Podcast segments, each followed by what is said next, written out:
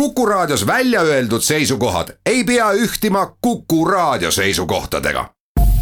Te kuulate Kuku Raadiot.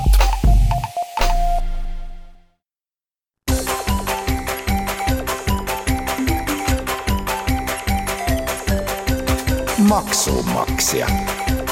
koostöös Eesti Maksumaksjate Liiduga tere päevast, eetris on saade Maksumaksja, mikrofoni ees on Lasse Lehis. meie üks lemmiktegelastest poliitikamaastikul, minister Ossinovski astub tagasi ja seoses sellega on päris palju räägitud ka sellest siis, kes lõppude lõpuks ikkagi on süüdi veidikene ütleme siis nii ebaõnnestunud aktsiisipoliitikas. nüüd, kui enam-vähem kõigile on kohale jõudnud, et liiga järsk aktsiisitõus ei ole Eesti majandusele just kõige paremat mõju avaldanud käib üksteise peale näpuga näitamine ja süüdlaste otsimine. no sellesse diskussiooni ma ei tahaks äh, sekkuda. Äh, lühidalt äh, võib-olla tooks lihtsalt kokkuvõtte just värskelt ilmunud ühest artiklis, kus tuletati meelde, et vähemalt Konjunktuuriinstituudi andmetel algas tõsine piirikaubandus Läti suunal kahe tuhande kuueteistkümnenda aasta alguses. ja eelkõige kange alkoholi aktsiisi tõus oli see, mis äh, pani massid liikuma, mis ajendas äh, spetsiaalselt eestlaselt eestlasele poodide ehitamist piirile ja kahe tuhande seitsmeteistkümnes aasta lisas nii-öelda peenhäälestusena siia juurde siis õlleaktsiisi mitmekordse tõusu Äh, mis siis lihtsalt seda olemasolevat äh, viinarallit siis täiendas uue sortimendiga, mis suurendas käivet, mis tõi äh, siis kaasa ka näiteks tubakatoodete suurema Lätist ostmise, noh edasi ka juba toiduained ja ehituskaubad ja kõik muu, mida sealt kõrvalt poodidest on võimalik saada, mis ka ju kahjustab Eesti majandust, kui neid massiliselt välisriigist ostetakse. aga tegelikult rääkida tahaks täna hoopiski sellest, et millised on piiriülese ostlemise reeglid, sest me oleme võib-olla natukene isegi juba kergelt uinunud ja kui detailidesse ei süvene, neid reegleid ei loe, siis võib juhtuda nii, et eneselegi teadmata võib nii mõnigi eestlane seadusrikkujaks osutuda ja kui eriti just, kui ei olda seadusega kursis ja ise aru ei saada, et seadust on rikutud, siis võidakse ka eriti haledalt vahele jääda. üldine poliitika Euroopa Liidus on kaupade ja teenuste vaba liikumine, no palju muidki olulisi põhimõtteid, aga just kaupade piiriülene liikumine on see punkt, mis siis sellist kauplemist ja kaubareisidel käimist soodustab. loomulikult mm, lisab siia vürtsi ka Schengeni viisaruum, see tähendab piirikontrolli puudumist ehk siis hõlpsat piiriületust, aga Euroopa Liidu sees kaupade vaba liikumine on tagatud ka nende riikide vahel, näiteks Suurbritannia või, või Bulgaaria, Rumeenia, kes, kus küll dokumente piiril kontrollitakse, aga kaupade tollivormistust siiski ei ole ette nähtud ja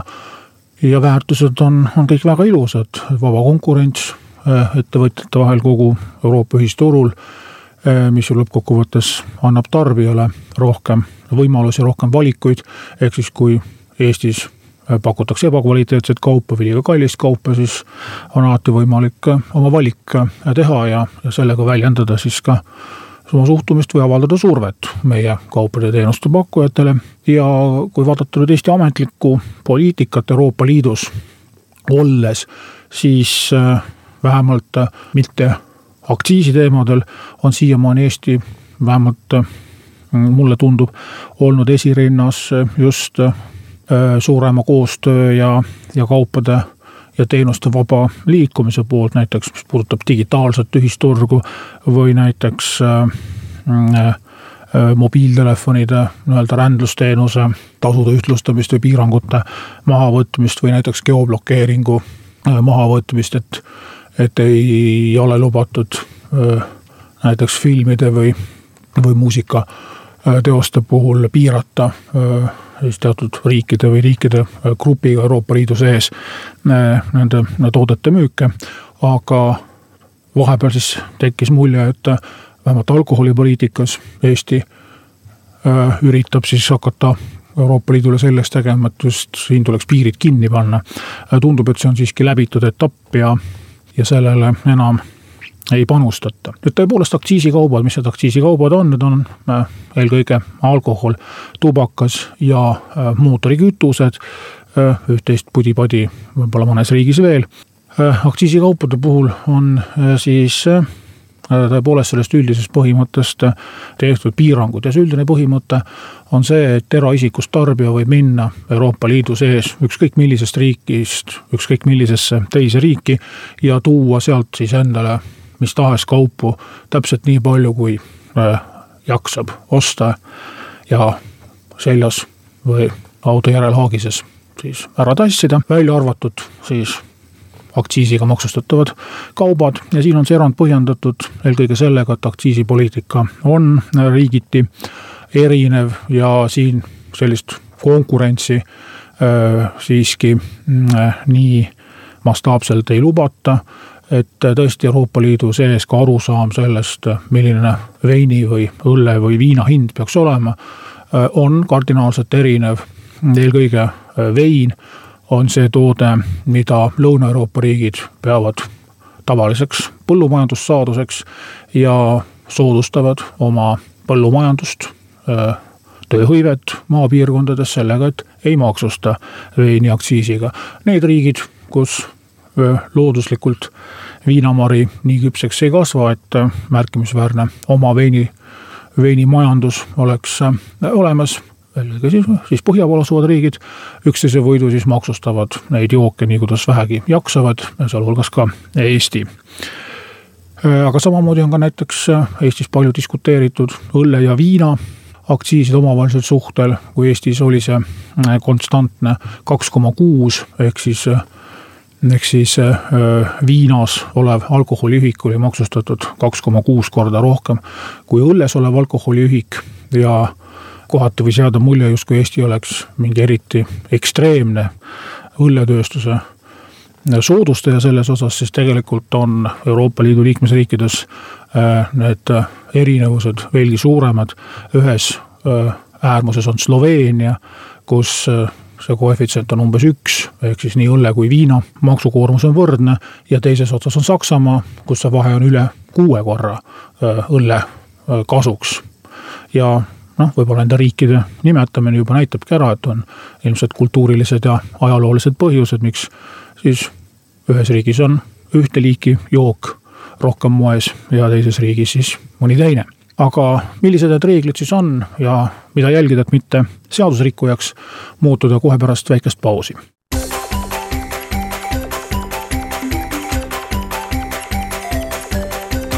maksumaksja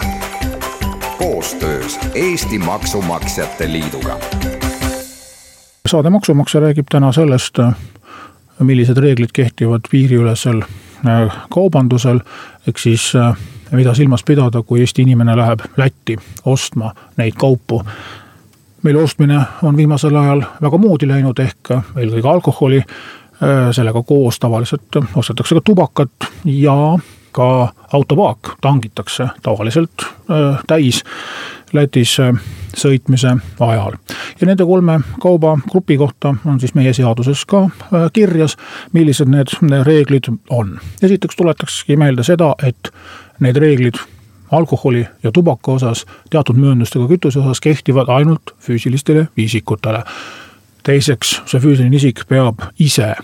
teise riiki minema, sealt selle kauba ostma ja ise selle kauba sealt ka ära tooma. ehk siis ei tohi saata postipakiga, ei tohi kulleriga saata, ei tohi müüa mingil muul viisil seda kaupa ise teise riiki saata, vaid täpselt nii, nagu soomlastelt nõuti, et nad peavad oma napsud ise laeva peale kärutama ja ise ka Soomes laeva pealt maha kärutama. täpselt samamoodi tuleb ka Lätti ise kohale minna ja need joogid sealt mm, siis oma transpordiga Eestisse ära tuua. järgmine oluline nõue on siis see, et see alkohol ja tubakas peavad olema toodud isiklikuks tarbimiseks, see tähendab, neid ei tohi müüa, neid ei tohi kasutada ärilisel eesmärgil, ei tohi noh, alkoholi näiteks äh, tasu eest serveerida, äh, korraldada siis toitlustust, catering'i. Ja loomulikult ei tohi siis juriidilised isikud neid kaupu Eestisse tuua, nende puhul ükskõik kui väikeses koguses ükskõik millist alkohoolset jooki Eestisse tuuakse, tuleb seda alati Eestis maksustada. kusjuures ei ole isegi oluline see, kas seal välisriigis, kus see kaup osteti, kui palju seal neid makse makstud on, maksustamisõigus on Eestil ja igaüks peab ise vaatama siis, kuidas ta sealt äh, Lätist või Hispaaniast või kust iganes mm, need maksud tagasi saab, kui saab. ja lisaks on siis äh, piirnormid, äh, kogused siis seaduses mida siis üks inimene võib ühe päeva jooksul üle piiri tuua, need on ütleme nii, muljetavaldavalt suured, mm, alkoholi puhul siis äh, sada kümme liitrit õlut, kümme liitrit kanget alkoholi, üheksakümmend liitrit veini ja kakskümmend liitrit muud niinimetatud vahetoodet. ja sinna juurde lisaks siis veel ka iga inimene igas päevas võib ka kaheksasada sigaretti üle piiri tuua, ehk siis äh, nelikümmend pakki. Äh, tõsi, vähemalt kaheksateist aastat vana peab see inimene olema, et sellist äh, kraami mm, üle piiri tuua. Äh, mis on siis keelatud? nagu ma ütlesin, siis edasimüük on keelatud, toitlustuses kasutamine ka näiteks firma pidudel vastuvõttude korraldamisel, ehk siis äh, ühe ettevõtte vastuvõtukuludesse või raamatupidamisse üldiselt ei tohiks ühtegi Läti alkoholitšekki ilmuda. näiteks võivad küll töötajad tulla ettevõtte suvepäevadele oma joogi kaasa võtta, aga ei tohi ettevõte osta Lätist jooke, isegi kui seda maksustatakse näiteks erisoodustusena, äh, siis äh, aktsiisid tuleb ikkagi sellisel juhul Eestis äh, maksustada, kuna need ei ole füüsilise isiku isiklikuks tarbeks ostetud, vaid tööandja on ostnud selleks, et oma töötajatele pidu korraldada. mida on praktikas näha olnud, et need vähesed juhtumid mis ajakirjanduses on üldse läbi käinud, kus äh, politsei on kontrollinud või politseile või, või maksuametile on vahele äh, justkui jäädud sellega, et äh, kusagil toitlustusasutuses on mm, Läti päritolu õlut suurem kogus leitud, siis üks selline väga veenev vabandus ongi olnud see, et, ei, ega tegelikult siis meie oma klientidele seda õlut ei müü ega, ega serveeri, et meil lihtsalt siin üks klient tahtis meilt ruumi rentida selleks, et ise oma jookidega pidu korraldada ja noh, tõi joogid lihtsalt eelmisel õhtul ära, et oleks vähem tassimist ja selline vabandus võib täiesti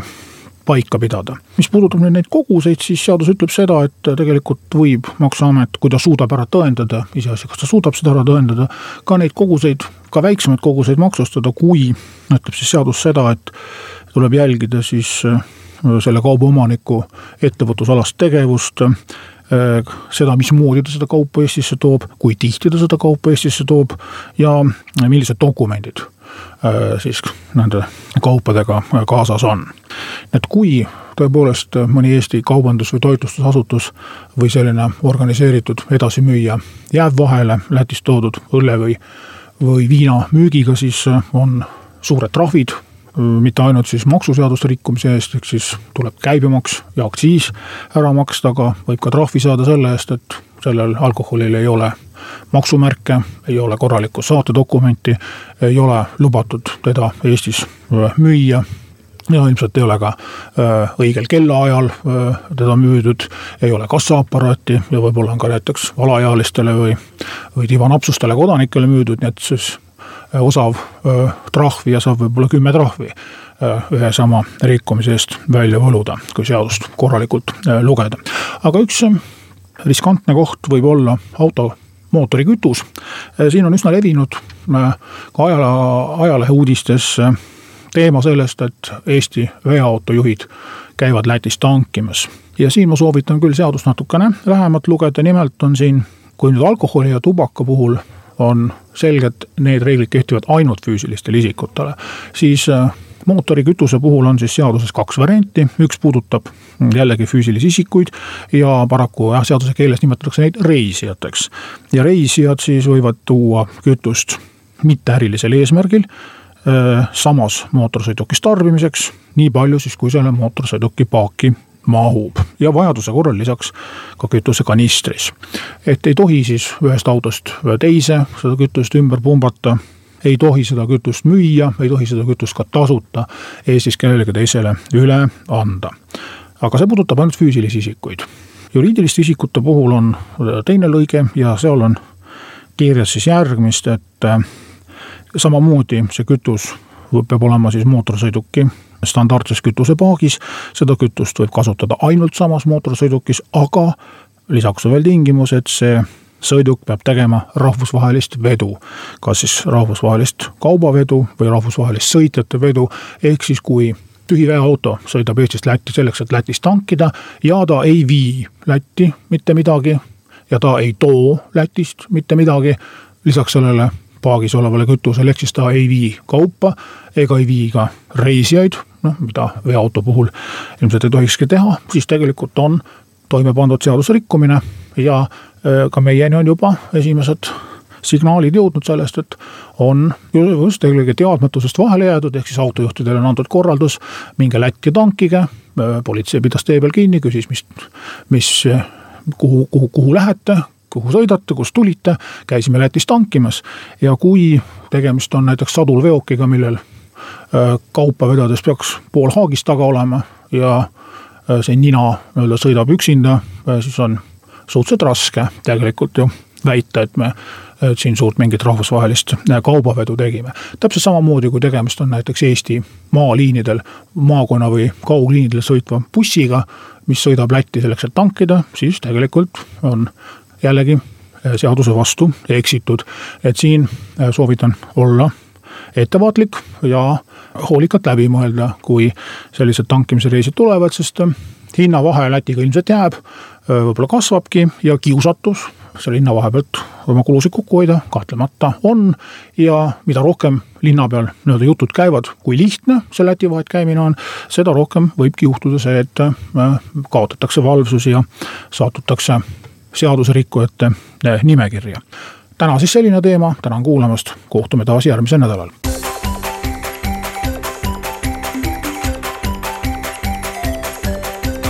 maksumaksja koostöös Eesti Maksumaksjate Liiduga